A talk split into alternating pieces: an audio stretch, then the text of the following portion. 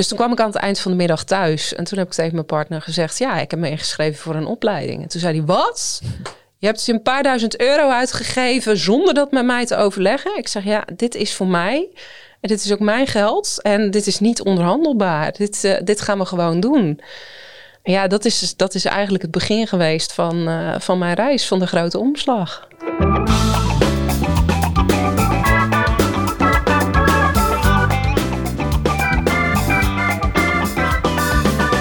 Welkom bij de podcast De Verhalensmeders. Weer een nieuwe uitzending. En vandaag uh, hebben we Mariska Ruijs uh, uitgenodigd om haar verhaal te vertellen.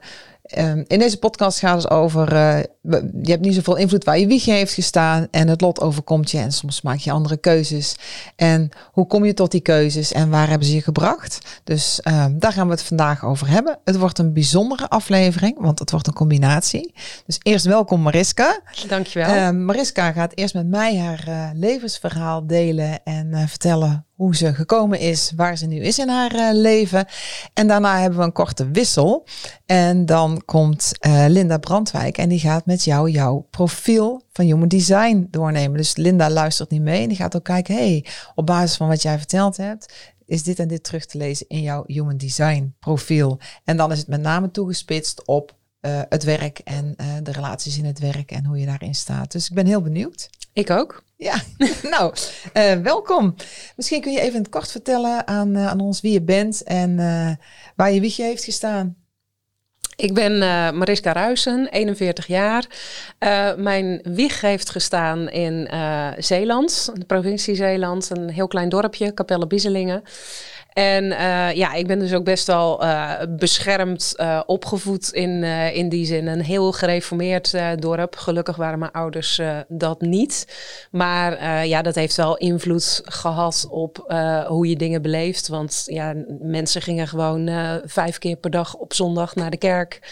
Um, zwarte kleding aan, hoedjes op. Uh, je kon niks doen op zondag. En uh, ja, dat kleine, dat beklemmende, dat heeft toch ook wel zo zijn weerslag gehad op hoe je je jeugd beleeft. Ja. Ja, want ik kan me voorstellen als je op een basisschool zit. Dat, dat was wel een openbare basisschool? Of? Nee, ik heb op een christelijke basisschool gezeten. Gelukkig geen uh, gereformeerde basisschool. Maar uh, ja, de kerk had gewoon wel echt heel erg veel invloed. Mijn ouders die hadden me liever naar de openbare basisschool willen laten gaan. Maar die was een paar kilometer verderop. En dan hadden ze toch zoiets van, ja, vriendjes en vriendinnetjes, uh, dat is dan toch wat minder makkelijk om die mee naar huis te nemen. Dus je gaat maar naar de christelijke school. Ja, en heeft dat veel effect gehad uh, in jouw verdere leven? Of valt het op zich uh, Um, ja, op, op zich valt het mee. Wat ik wel merk is uh, dat ik echt stond te trappelen op het moment dat ik ging studeren om de provincie uit te kunnen. En um, ja, ik voelde dus ook van ik ga nooit meer terug. Dat kleine, dat beklemmende, dat, dat past niet bij mij. En in die zin voel ik me in Brabant veel meer op mijn plek. Ja, want waar ben je gaan studeren? Ik heb gestudeerd in Tilburg. Op de? Uh, ja, dat heette toen nog de Katholieke Universiteit uh, Tilburg. Uh, nu is dat volgens mij gewoon de UVT. Ja, of Tilburg University. Oh ja. Volgens mij. Ja, ja. zelfs dat. Ja. Ja, en daar ben je rechten gaan doen. Ja, daar ben ik rechten gaan doen. En um, dat voelde toen heel vanzelfsprekend. Als ik terug ga kijken, uh, ja, dan wilde ik destijds eigenlijk al iets heel anders. Ik wist op de middelbare school heel goed uh, wat ik wel en niet wilde. Ik had een uh, enorm verlangen om psychologie te gaan studeren. Um, maar ik was dramatisch slecht met wiskunde. En dat had je echt nodig in je pakket voor statistiek. Dus ja, psychologie viel eigenlijk al af. Toen had ik bedacht, uh, schrijven was ook altijd wel iets wat ik, uh, wat ik al heel gaaf vond om te doen. Wat ik op de middelbare school ook al veel deed. Dus ik dacht, nou, dan uh, journalistiek. Misschien is dat dan iets. Toen ben ik een dag mee gaan lopen met een journalist van de Provinciale Zeeuwse Courant. Nou ja, dat was niet de handigste keuze om te doen. Want toen knapte ik dus heel erg af op journalistiek. Uh, ja, gemeenteraadsverslagen doorspitten en zo. Het was niet bepaald uh, de spanning waar ik, uh, waar ik op zat te wachten. Ik, het was geen groots en meeslepend leven, wat ik, wat ik toch wel een beetje in gedachten had in het schrijverschap. Dus dat heb ik eigenlijk ook heel snel voor mezelf afgeschreven. Ja, en ik had nog een derde hele grote wens. En dat was naar de kunstacademie. En uh, ja, dat zagen mijn ouders echt niet zitten. Die hebben met de beste bedoelingen, hebben die destijds aangegeven van ja, maar weet je, met creativiteit dan valt geen droog brood mee te verdienen. En um, ja, je gaat met twee vingers in je neus door het gymnasium heen. Dus je bent je talenten wel heel erg aan het verspillen als jij nu naar de kunstacademie zou gaan. Dus dit vinden we echt geen goed plan. En op dat moment had ik ook zoiets van, nou ja, goed, ze zullen het beste met me voor hebben, dus dat zal dan zo zijn. Um, overigens is die opmerking met creativiteit kun je geen droog brood verdienen best wel heel erg bepalend uh, geweest. Want nou, dat is ook letterlijk iets waar ik 15 jaar lang naar heb geleefd. Ik heb mijn, mijn schilderspullen echt in een hoek gegooid en er niet meer naar omgekeken. Want ja, het was niet voor mij. Ja, en hoe ben je dan bij rechten uitgekomen? De meeste mensen zouden dan denken van, ja, dus het was een beetje van, nou ja, dan doen we dat maar als al het andere afvalt. Nee, dat was het ook niet. Ik was als uh, klein meisje, maar ook als puber denk ik heel erg beïnvloedbaar. En uh, de vader van mijn beste vriendin, waar ik veel over de vloer kwam, die uh, heeft op een gegeven moment tegen me gezegd: Weet je, Maurice, uh, jij weet altijd zo goed het verschil tussen goed en fout, tussen slecht en kwaad. En je hebt je mondje best wel bij je. Als jij nou eens gaat zorgen dat je van dat lelijke Zeeuwse accent afkomt, want dat had ik echt, ik was echt een enorm boerinnetje, dan zou je een uitstekende officier van justitie kunnen zijn. En ja, daarvan heb ik altijd wel gevoeld van, nou, dat is iets wat de goedkeuring van mijn ouders kan wegdragen. Dus um, ja, en daar zit ook wel dat stukje groots en meeslepend leven in. Een stukje de wereld verbeteren. Dus ja, dat is eigenlijk vanaf het moment dat ik rechten ging studeren mijn waarheid geworden van nou, ik moet zo snel mogelijk officier uh, worden. Wat bijzonder dat hij dat zegt, want zat hij zelf in de rechterlijke macht? Want dat zegt toch niet gauw iemand officier van justitie? Uh, hij werkte zelf bij de Raad voor de Kinderbescherming. Ah, oké, okay, dus, dus, hij had al raakvlakken ja, met. Ja, hij had zeker raakvlakken met. Maar zonder die opmerking weet ik niet of ik zelf ooit bedacht zou hebben van ik ga rechten studeren. Ik heb dat gewoon opgepikt omdat eigenlijk al die andere keuzes, ja, die werden, die werden voor me een beetje uitgefilterd van, uh, nou, dat is het niet. En ja, ik was heel erg zoekende van wat dan wel. Nou, en toen heb ik me daar wel met hart en ziel uh, ingestort. Zo van, dan gaat dit het worden. En er zit ook wel een stuk in wat ik jou hoor zeggen, de wereld verbeteren. Ja. Uh, want dat kun je met heel veel dingen doen. Eigenlijk de andere dingen die je in gedachten had ook. Hè? Want het moest groot zijn, meeslepend. Hè? Ja. Dus uh, dat, uh, dat had als, als, als journalist gekund. en inderdaad ook als officier van, van justitie. Nou, dat ben je ook geworden, hè? Nou, geen officier. Ik ben altijd pakketsecretaris. Pakketsecretaris, oké. Okay. Ja. Maar in ieder geval, um, daar heb je een tijd gewerkt. En ja. met veel plezier neem ik aan.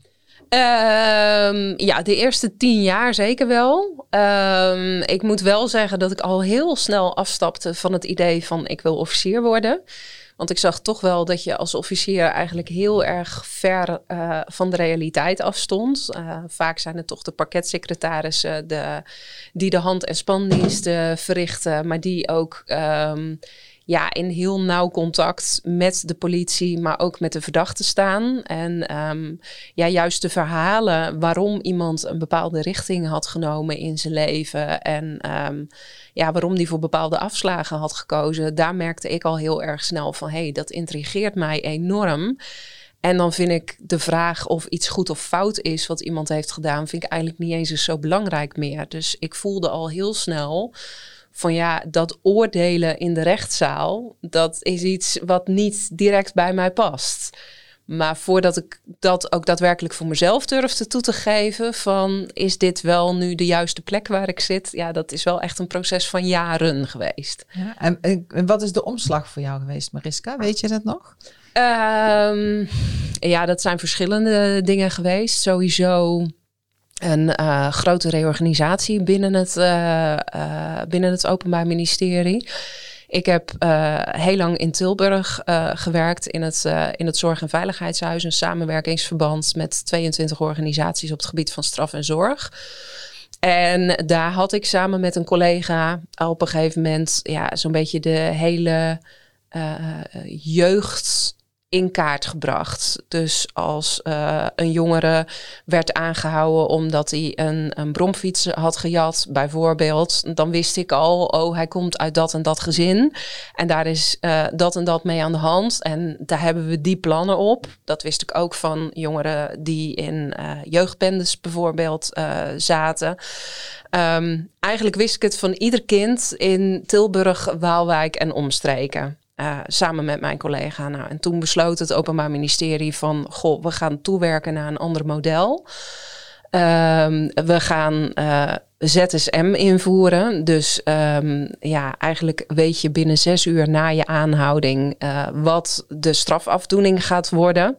En dat betekende heel concreet voor ons dat we van zeven uur s ochtends tot tien uur s avonds bereikbaar moesten zijn. Nou, dat lukt natuurlijk nooit met de hoeveelheid mensen die je, die je hebt binnen een team. Dus er zijn toen heel veel um, ja, net afgestudeerde um, uh, juristen aangenomen. Die nog totaal geen idee hadden van maatwerk leveren. En goh, welke plannen liggen er nu allemaal op maat gemaakt op deze kinderen? En, en welke zorg moeten worden ingezet? En kwam het dus heel vaak voor um, dat er op de ZSM-locatie beslissingen werden genomen ten aanzien van jongeren waar wij ja, zo'n dik dossier van hadden liggen van nou daar moet toch echt wel iets mee gebeuren. En dat waren dan ook de jongeren die dus met een middelvinger omhoog langs de politie uh, reden van ha ha ha, we hebben jullie flink een rad voor ogen gedraaid. En ja, ik heb me vanaf dag één enorm tegen die um, uh, reorganisatie verzet. Omdat ik eigenlijk al zag wat voor problemen dat zou gaan geven. Um, ja, en in de praktijk bleek dat dus nog veel erger te zijn dan ik, dan ik had verwacht. Maar ook het stukje dat ik dus eigenlijk die eigen toko die ik had gecreëerd. Uh, waarbinnen ik precies wist wat ik wel en niet kon doen, dat ik dat moest opgeven. Ja, dat vond ik echt ontzettend ingewikkeld. Ja, dus, de, dus je moet dan op een andere manier gaan werken. Hè? Dat is niet meer in het belang van het kind. Dus ook niet meer groot en meeslepend, zal ik maar zeggen. Hè? Je kunt niet het verschil maken, want dat ja. is wel wat ik bij jou hoor. Dat ja heel belangrijk is dat je een verschil kunt maken, dat je waarde kunt toevoegen aan een proces. Dus niet alleen een straf, maar ook kijken wat is nu de meest passende stap die je kunt zetten. Ja. Maar goed, dan zit je in een uh, organisatie, je werkt daar. Uh, je hebt misschien een huishypotheek. In ieder geval, uh, neem aan dat je niet meer bij je ouders woonde. Nee, en uh, dat nee, je voor jezelf ja. moest zorgen. Of in ieder geval moest zorgen voor, voor inkomen. En dan, dan krijg je toch iets van, hmm, het gaat wringen. En dan kun je kiezen, ik blijf hangen of ik ga iets doen. Ja, ja en, nou, en dat uh, ik ga iets doen, dat is voor mij wel echt een, uh, een grote stap geweest om te zetten. Daar heeft een, uh, een vriendin ook wel een belangrijke bijdrage aan geleverd. Um, ik ben op een gegeven moment ook in een burn-out beland, waarvan ik natuurlijk mijn werk de schuld gaf, want het lag allemaal niet aan mij. En ik ben vrij snel weer opgekrabbeld en merkte van hé, hey, ik ben weer aan het leeglopen. Wat gebeurt er nu? En toen heeft die vriendin tegen me gezegd van weet je, je hebt nog zo'n 35 jaar te gaan uh, tot aan je pensioen. Je hebt een keuze wat mij betreft. Of je gaat hiermee door. Omdat je dus echt het idee hebt dat je niks anders kan ik zei ook steeds tegen haar: ja, maar ik ben jurist, ik ben hiervoor opgeleid en, en dit is wie ik ben. Ik had me daar echt helemaal mee geïdentificeerd. Um, dus of je blijft dit doen, maar dan wil ik er nooit meer iets van horen. Of je besluit om nu een andere richting in te slaan en dan ben ik er voor je en dan sta ik klaar. Uh, dan wil ik naar al je verhalen luisteren. Dan wil ik je begeleiden op je pad. Maar kies maar, het is wat jij wil. En nou, dat heeft ze drie keer moeten herhalen. En bij de derde keer had ik dus door van, oh, het is nog menens ook. kennelijk, kennelijk, iets? Ja, ja, kennelijk zet ik onze vriendschap echt op het spel als ik nu geen, geen keuzes ga maken. Nou, en uh, op dat moment kwam ook mijn, uh, mijn toenmalige partner uh, depressief thuis te zitten. Dus had ik thuis ook helemaal niks meer te halen. Dat ook een behoorlijke leegloop, kan ik me voorstellen. Ja, Qua energieniveau dan, ja. hè? want het is best ernstig. Iemand met een depressie, dat is niet de meest optimale omgeving om keuzes te maken voor jezelf. Nee, nee, maar dat is wel het moment geweest waarop ik voelde van, nou oké, ik krijg geen energie meer uit mijn werk. Ehm, eh, thuis hoef ik er ook niet op te rekenen dat ik er energie uit haal. Dus ik moet nu zelf iets gaan doen uh, om mezelf opnieuw te voeden. En uh, toen wist ik eigenlijk meteen al van, nou, dan wil ik een opleiding gaan doen. Uh, dan, dan wil ik gewoon iets gaan doen uh, waar ik weer plezier en energie uit haal. En ja, dat is best wel heel impulsief gegaan. Want ik ben toen op vrijdag gaan googelen van nou, wat zou ik leuk vinden.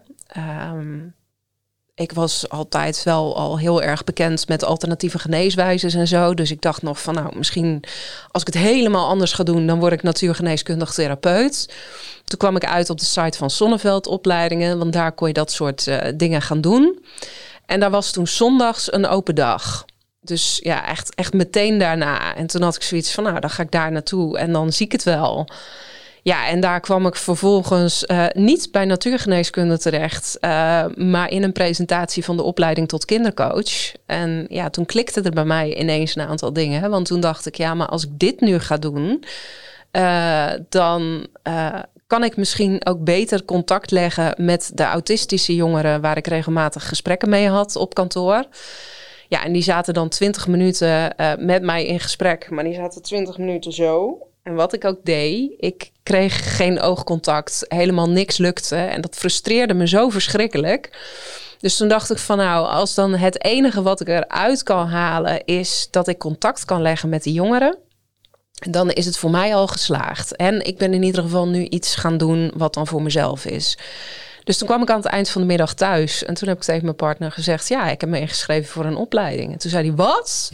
Je hebt je een paar duizend euro uitgegeven zonder dat met mij te overleggen. Ik zeg ja, dit is voor mij. En dit is ook mijn geld. En dit is niet onderhandelbaar. Dit, uh, dit gaan we gewoon doen. Ja, dat is, dat is eigenlijk het begin geweest van, uh, van mijn reis, van de grote omslag. Ja, mooi. Want uh, je hebt die kindercoach gedaan. en, en sindsdien is er wel meer omgeslagen. Hè? Ja. Dus, ja. Kun je daar eens iets over vertellen? Ja, nou, wat sowieso al heel erg gaaf was tijdens die kindercoachopleiding Um, was, ik had twee lessen gevolgd. En uh, nou, bij de gesprekken die ik had met, met jongeren die op kantoor moesten komen, daar werd ook altijd een advocaat aan toegevoegd. En al na twee lesdagen kreeg ik van advocaten terug: Goh, mevrouw Ruijsen, wat gebeurt hier? Uh, kinderen worden gezien en gehoord. Ouders die gaan met opgeheven hoofd de deur uit. Die schamen zich niet meer. Maar het straffen staat ook niet meer op nummer één. Dit is zo niet des OM's, maar dit is wat de wereld nodig heeft toen dacht ik, ja, ik heb gewoon nog acht lessen te gaan. Als ik dit al na twee lesdagen kan, dit is natuurlijk echt super cool. Um, en ik merkte dus ook dat advocaten op een gegeven moment ook echt wel uh, ja, contact op gingen nemen met onze planning. Uh, als zij dus zagen van, god, er moet een jongere op een zitting komen. Van ja, kan mevrouw Ruijsen die zitting doen? Want uh, dan is er een andere dynamiek dan uh, wanneer collega's bij het OM dat doen. Want dit is iemand die, die daadwerkelijk zo'n kind ziet en, en wil begrijpen. Dus ja, dat, dat was voor mij meteen al zoiets van: oh, maar als ik dit kan, ja, dan kan ik misschien ook nog wel andere dingen. Het was echt een enorme boost in mijn zelfvertrouwen. En nou ja, met de partner met wie ik toen samen was, uh, hadden wij ook de mogelijkheid om een uh, praktijkruimte aan huis in te richten. Die, die ruimte die was achter ons huis. Dus ja, ik ben toen eigenlijk meteen na mijn opleiding uh, met mijn praktijk gestart. Maar wel heel veilig. Uh, nog in combinatie met mijn baan in loondienst. Want ik, ik had nog totaal niet het idee dat ik dat zou kunnen uitbouwen tot iets wat winstgevend zou zijn. Ja, want op een gegeven moment gaat het natuurlijk wringen. Hè? Want je hebt je werk als OM, je krijgt die feedback. Ja, waar is, wanneer, wanneer komt dan het moment dat je denkt, nou, het past niet meer. Ik moet nu echt voor mezelf kiezen. Ja, ja. Nou, daar, de, in die mindfuck heb ik mezelf echt wel heel lang gevangen gehouden. Uh, ook wel omdat mijn toenmalige partner niet alleen depressief was, maar ook meerdere keren werkloos is geweest. En die had echt zoiets van, ja, je hebt een vaste baan, je hebt een hartstikke goed salaris bij het OM. Je bent knettergek als je dat nu allemaal aan de kant gaat zetten. En um, nou, ik had enorm veel last uh, van please gedrag. Ehm, dus, dus vond de belangen van anderen altijd wel belangrijker dan die van mezelf. Ik denk dat dat eigenlijk al wel een beetje door het hele verhaal uh, doorklinkt. En ja, ik vond het dus ook heel ingewikkeld om te zeggen van uh, ja, maar dit, dit is echt iets, uh, iets van mij. Eigenlijk pas toen ik me al min of meer aan het losmaken was uit die relatie. Um, overigens heeft die toen nog een paar jaar geduurd hoor. Maar dat ik al wist van hé, hey, wij stevenen op een eindpunt af. Was dat ook een moment waarop ik besloot om te gaan kiezen voor mezelf. En ja, het universum heeft ook wel een klein beetje meegeholpen. Want als iets. Ja, het duurde heel lang. Ik ben nog ruim twee jaar in loondienst gebleven voordat ik echt op eigen benen durfde te gaan staan. En ja, toen ben ik ook echt in een situatie uh, terechtgekomen op mijn werk, uh, waardoor ik me realiseerde van, joh, maar er is helemaal niemand die mij nu nog als jurist ziet. Ik kan mijn werk uh, niet meer met droge ogen blijven doen. Iedereen ziet me al als die, als die trainer, als die traumatherapeut, wat ik inmiddels ook geworden was. En um, ja, toen ben ik ook wel in een hele lastige situatie terechtgekomen op mijn werk. Dus toen was het duidelijk dat afscheid nemen echt de enige manier was. Ja, ja want uh, je bent je doet nu hele mooie dingen. Hè? Je ontwikkelt uh, producten die echt een transformatie op gang uh, brengt uh, bij mensen. Die coach en begeleid je daarin ook. En je hebt hele me mooie methodiek ontwikkeld hè? Ja. aan het stuur, maar ook de sprookjeskaarten. Nou, daar kun je misschien direct met het vervolg met Linda over hebben. Van wat dat dan, waar je nu staat en wat dat voor jouw design betekent. Mm -hmm. En dan wil ik vragen of wil ik jou vast bedanken voor jouw verhaal. Want we kunnen nog heel lang doorgaan. Ja. Want er zitten nog een heleboel dingen aan, maar ik denk dat dat uh, direct met Linda nog wel uh, aan de orde komt. Dus dan gaan we heel even een uh, wissel doen. Dankjewel. En ik zie ja, je jij bedankt. En dan komt Linda even langs bij je. Helemaal goed. Ja, ik heb heel veel meegeschreven. Ik ga eens even zien hoe ik dit allemaal. dus je hoort. Zo, je hebt echt heel driftig geschreven. ja, ja. Nou, welkom Mariska. Ik ben inmiddels van plek geruild met, met Lia. En ik heb het hele gesprek net uh, meegeluisterd en mm -hmm. je hele mooie verhalen gehoord. En ondertussen heb ik dus uh, driftig meegeschreven hè, om te kijken vanuit jouw design of ik ja, dingen terugzag hè, die je in jouw leven bent uh, tegengekomen. En um, nou, als je het goed vindt, dan, dan ga ik rustig daar doorheen. En op het moment dat je wil aanvullen, initieer vooral, want dat is namelijk echt jouw rol. Ja. Als je daarop wil aanvullen en um, hè, dus dan gaan we gewoon eens kijken uh, wat mij is opgevallen. Helemaal goed. Oké. Okay. Uh, nou, je vertelde hè, dat je heel uh, beschermd bent opgevoed en dat het heel zeer beklemmend hè, voor, je, voor je aanvoelde. En ja. ik kan me heel goed voorstellen, want je bent de innovator, dat, dat, dat je heel weinig vrijheid hebt gehad in je jeugd. Ja. En dat, uh, dat past uh, niet echt.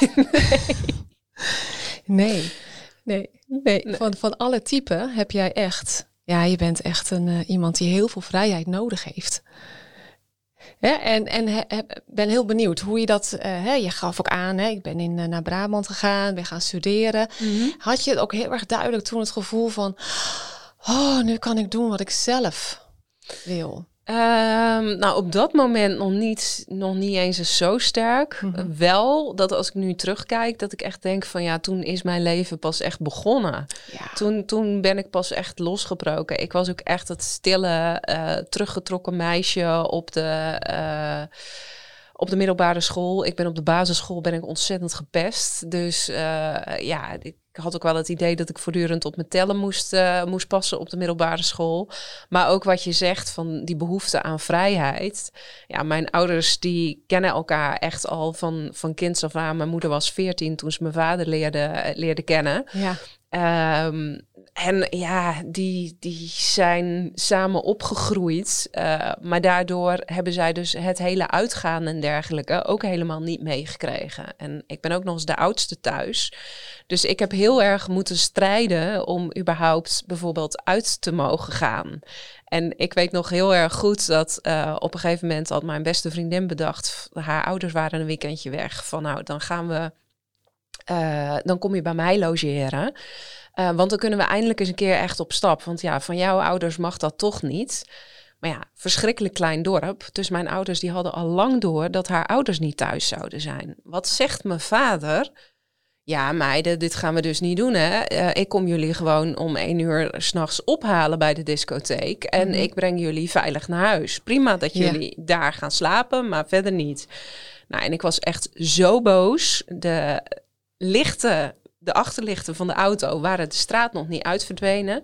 Of we hebben de fiets gepakt en we zijn weer teruggefietst naar Goes om alsnog tot diep in de nacht op stap te gaan. Ja, weet je, dat soort dingen, dat, dat Ja. was wel echt dat ik voelde van, ja, ik, ik kan hier gewoon helemaal niks mee. Nee, precies. Nou, Ja. En dat is echt ja, wat heel typerend is hè, voor jou als innovator. Dat je dingen initieert. Dat je doet wat, wat voor jou op dat moment goed voelt. En dat je daarin dus niet wordt tegengehouden. Hè, en die boosheid is daarbij ook een heel duidelijk signaal. Hè. Misschien dat je het ook als je terugkijkt op je leven heel erg herkent. Ja. Dat je hè, een signaal voor jou is op het moment dat je niet op je pad zit. Is een hele diepe boosheid. Niet een gewone boosheid, nee, een hele diepe. Ja. Ja. Ja, en, en aan de andere kant, en dat is misschien heel mooi, omdat ook, eh, nou, hè, als we nog even door, wat meer door jouw verhaal gaan, dat je hè, op het moment dat je wel op je pad bent, dat je rust ervaart.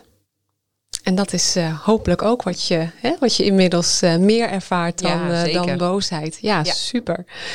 Ehm, nou, wat ik heel mooi vond om, om te horen, is dat je eigenlijk zei, hè, op de middelbare school wist ik eigenlijk al hè, wat ik misschien wel wilde. Hè, maar je bent heel erg door anderen van je pad afgeleid. Ja.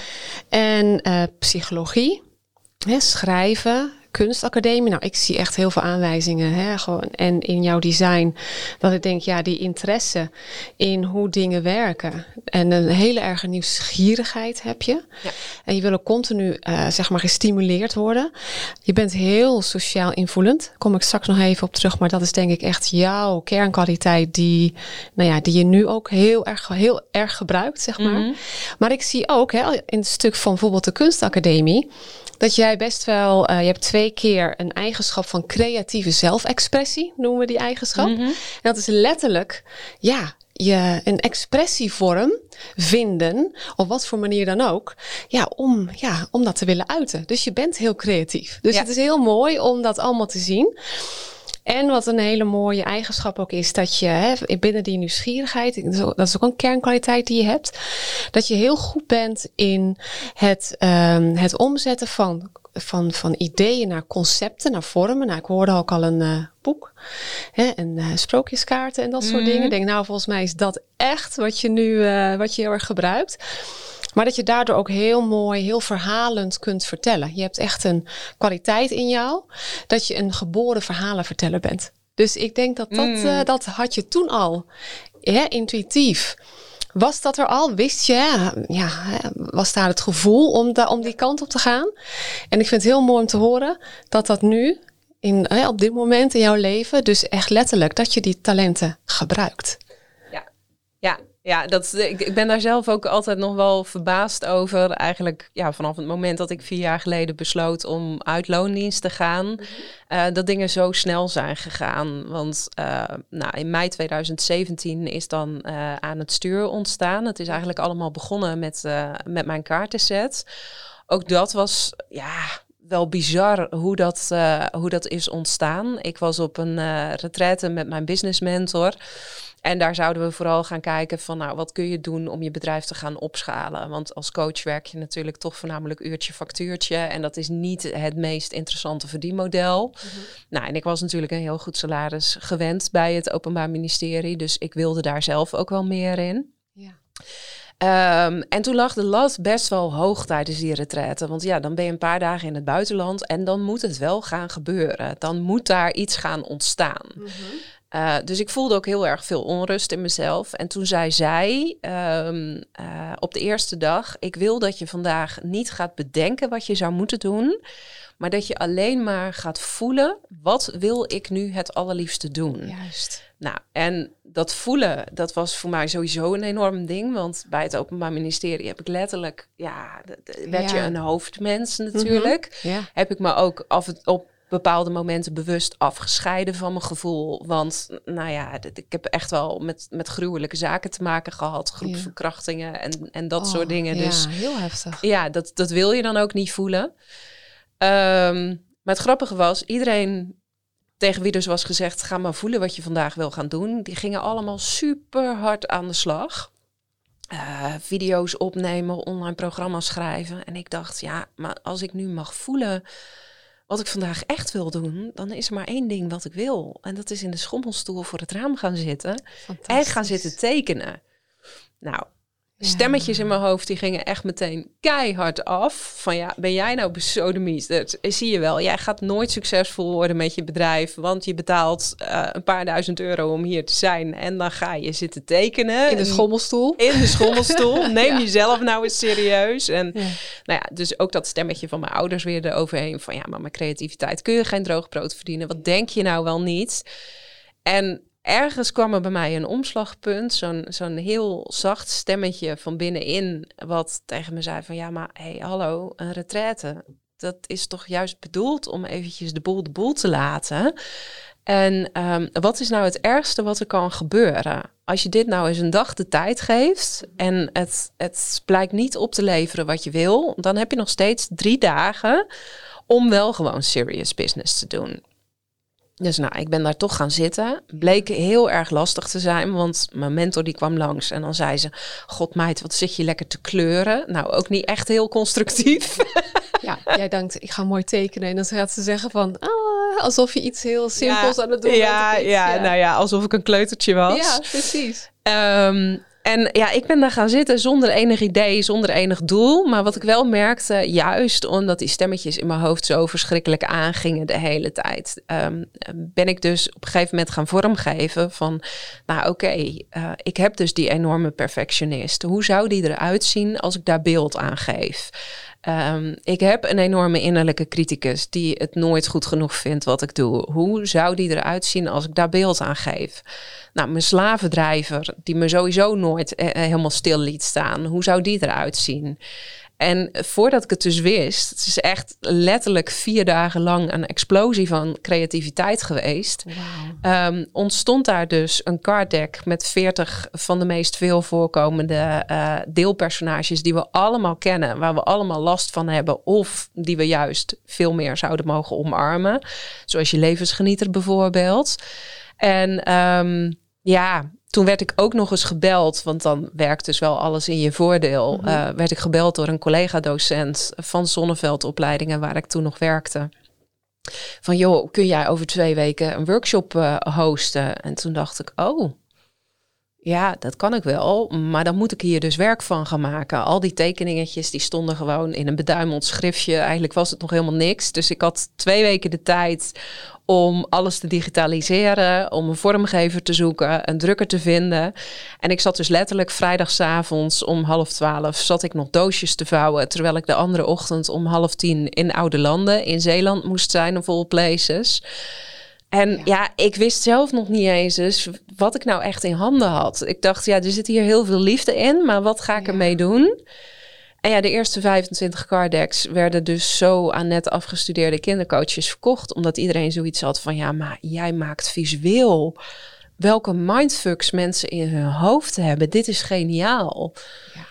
Ja, en, nu zijn er dus inmiddels al uh, meer dan 800 sets uh, in Nederland en België aan coaches en therapeuten verkocht. Fantastisch. Um, en is er dus een hele methodiek rondom ontstaan. Want het is natuurlijk heel erg leuk om met de kaarten in beeld te brengen van nou, wie zit er op dit moment bij jou aan het stuur?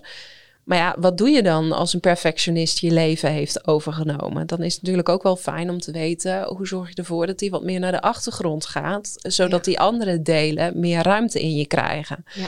Nou, dat is eigenlijk allemaal organisch ontstaan. En ja, toen besloot ik dus in 2019 van nou, dan moet er ook maar een boek komen voor het grote publiek.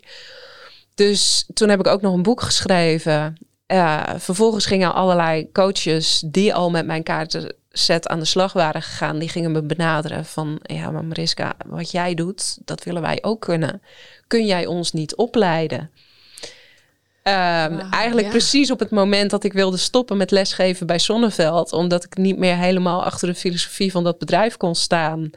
En ja, dat is dus wel heel gaaf om te zien dat in drie jaar tijd eigenlijk al mijn wensen die ik had op de middelbare school, uh, dus allemaal zijn uitgekomen zonder dat ik daar nou echt heel specifiek over heb nagedacht of zo. precies.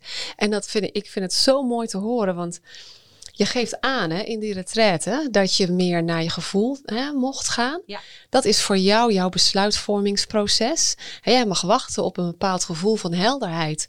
Hè, van dit wil ik initiëren, dit wil ik in de wereld brengen. En dan kun jij dus nieuwe dingen in de wereld brengen. Je neemt dus rust, je gaat in een schommelstoel zitten en je gaat het kaartendek maken wat nog nooit iemand heeft gemaakt. En je brengt iets nieuws in de wereld. Dus letterlijk voelt het voor mij alsof jij daar in jouw innovatorkracht kwam. En, daar, ja, en, en dat je dus letterlijk vanuit je gevoel van daaruit verder bent gaan initiëren. En dat je dus daarom nu staat, waarom, waar, hè, waarom je nu, hè, waar, waarom je staat, waarom je nu hier staat. En wat ik um, ook heel erg, wat me opviel in je verhaal, is dat je hè, aangaf van beïnvloedbaar door anderen, hè, altijd een beetje zoekende geweest. Maar wat ik zie in jouw design is dat jouw functie van wilskracht open is. En daar zit een gevoel van eigenwaarde. Hè, die is niet vast. Dus continu kijken naar buiten. Wat wordt er van mij verwacht? Hoe kan ik ervoor zorgen dat ik een toegevoegde waarde heb of van waarde ben? Daar komt waarschijnlijk ook een hele sterke innerlijke criticus vandaan. Hè, van doe ik wel de juiste dingen? Kan ik wel? Ben ik wel goed genoeg? Ik ga maar bewijzen dat ik van alles kan. En ik moet dus wel geld gaan verdienen. Want ja, met creativiteit alleen kom ik er niet. Ja. Dat hoor ik heel, ja, heel ja, ja, in, je, in je verhaal terug. Ja. en ook, de, je bent heel gevoelig voor druk. druk is heel vervelend eh, voor jou, maar dat is ook open bij jou. Dus je, je pakt alle stress en druk van anderen op, waardoor je eigenlijk geforceerd in beweging kom, moet komen en je ah, ja, eigenlijk vanzelf naar je hoofd gaat. En die, hè, die negatieve dingen allemaal, uh, hè, die, al, die, al die figuren. Ik ben heel benieuwd naar je kaartendek mm. trouwens. Hè, wat er allemaal naar voren komt. En ik zie ook en dat is ook een, een, een rode draad die ik in jouw verhaal heb gehoord. Dat je de neiging hebt om te lang aan bepaalde dingen vast te houden. Ja. Uit angst voor wat komt er dan. Hè, en dat hoor ik in werk, hè, in de relatie. En, en, dat je, en dat dat zeg maar. Um, ja, eigenlijk dat je op sommige momenten zelfs werd gedwongen om, hè, om keuzes te maken of om een andere kant op te gaan, omdat het gewoon niet meer anders kon. Hè, uh, en ook omdat je natuurlijk zo vanuit je hoofd, hè, wat ik hoorde, een heel groot deel van je leven vanuit je hoofd. En dat je hoofd is ook heel druk. Je bent altijd aan het denken. Ja. Hè, het is altijd gebeurt er van alles. En er is ook een kernkwaliteit die ik, die ik zie. Is zeg maar het, uh, het ervaringsproces. Dat je continu eigenlijk het verleden doorspit op zoek naar nieuwe perspectieven. Maar dat zijn dan wervelingen van beelden. En dat blijft maar doorgaan totdat je denkt: hé, hey, dit, is, uh, dit is gaaf. Zo is het. Maar dat betekent dus wel dat je dus continu in je hoofd van alles, dat er van alles gebeurt. En dat kan je heel erg afleiden van jouw gevoel. En dat is waar jouw waarheid ligt. En vervolgens zag ik ook dat je, hè, vertel je dat je ook in een burn-out bent beland. En ik denk dat dat voor jou een hele belangrijke is, want jouw energiebron is, uh, is open, is niet gedefinieerd, maar hij is compleet open. Mhm. En dat betekent dat je eigenlijk helemaal niet, niet zo goed weet waar je je energie voor moet gebruiken. Wat is energie? En uh, dat je heel makkelijk uitgeput kunt raken. Uh, en, en dat, je, uh, dat jouw energie overal en nergens is. maar ja, je kunt wel hè, in, in je omgeving waar je gewerkt hebt, waarschijnlijk heel veel mensen die, die wel de energiebron hebben gedefinieerd, dus veel bouwers. En ja, daardoor kun je op die energie kun je van alles gaan doen, maar ondertussen gewoon niet wetende en niet goed voelend hoe het met jouw energie gesteld is.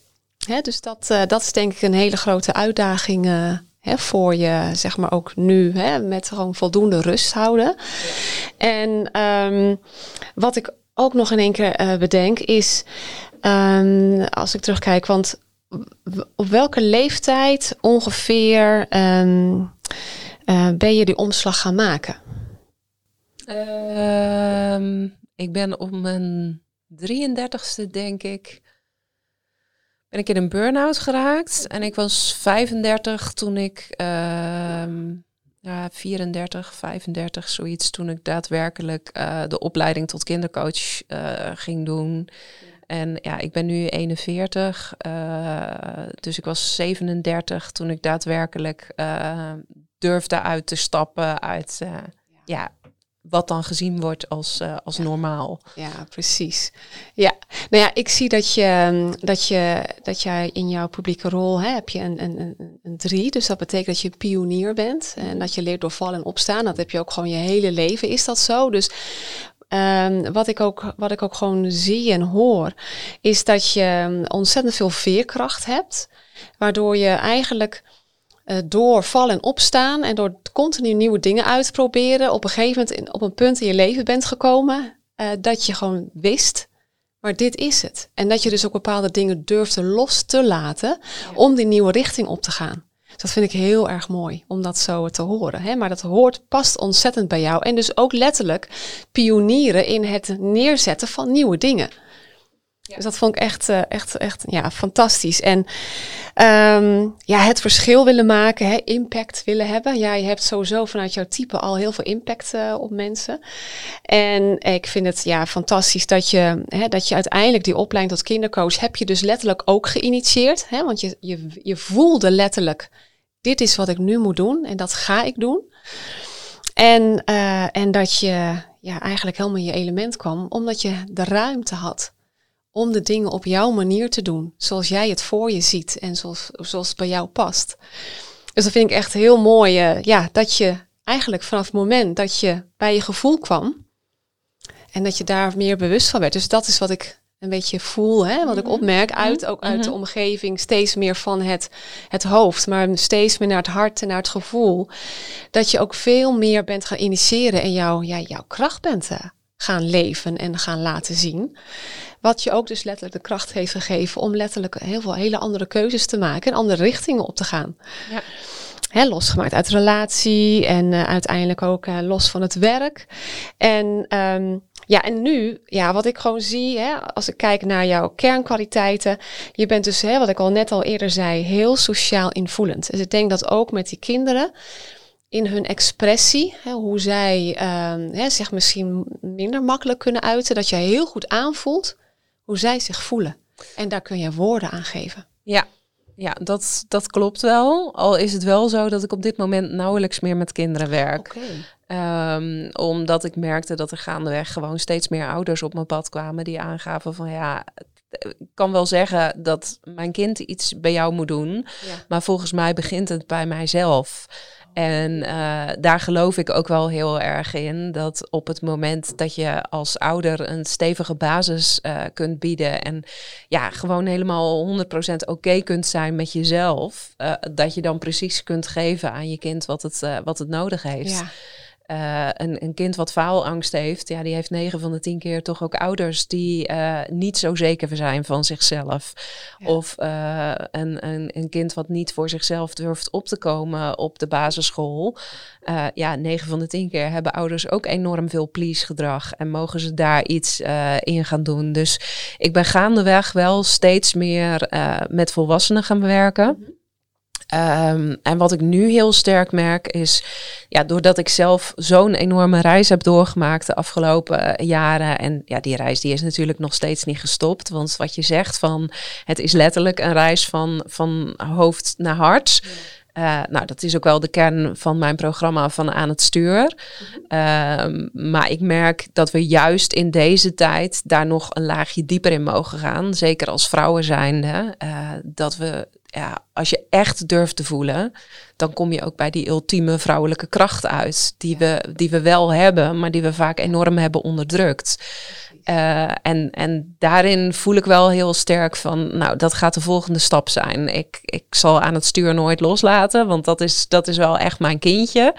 Ja. Um, maar ja, ik merk ook dat hoe meer ik mensen meeneem in mijn eigen reis, in mijn eigen proces, dat mensen daarop aangaan en dat ze dan zeggen, oh, maar jij hebt dit dus allemaal al uitgevonden. Ja, dan volgen we heel graag jouw weg. En um, ja, ik denk dat dat zeker het stukje, het helemaal omarmen van, van je vrouwelijke kracht en veel meer dat in balans brengen van de mannelijke en vrouwelijke energie, dat dat iets is wat in deze tijd gewoon heel erg hard nodig is. Dus ja, uh, ja dat, dat is wel de volgende stap uh, die eraan komt. Maar fantastisch, want als in, een innovator open jij deuren voor andere mensen en dat doe je dus heel erg ervaringsgericht en jouw ja. prachtige levensverhaal, hè, wat je net ook uitgebreid hebt verteld, draagt daaraan bij. Dus ik ben heel benieuwd wat voor mooie nieuwe dingen je in de wereld gaat zetten.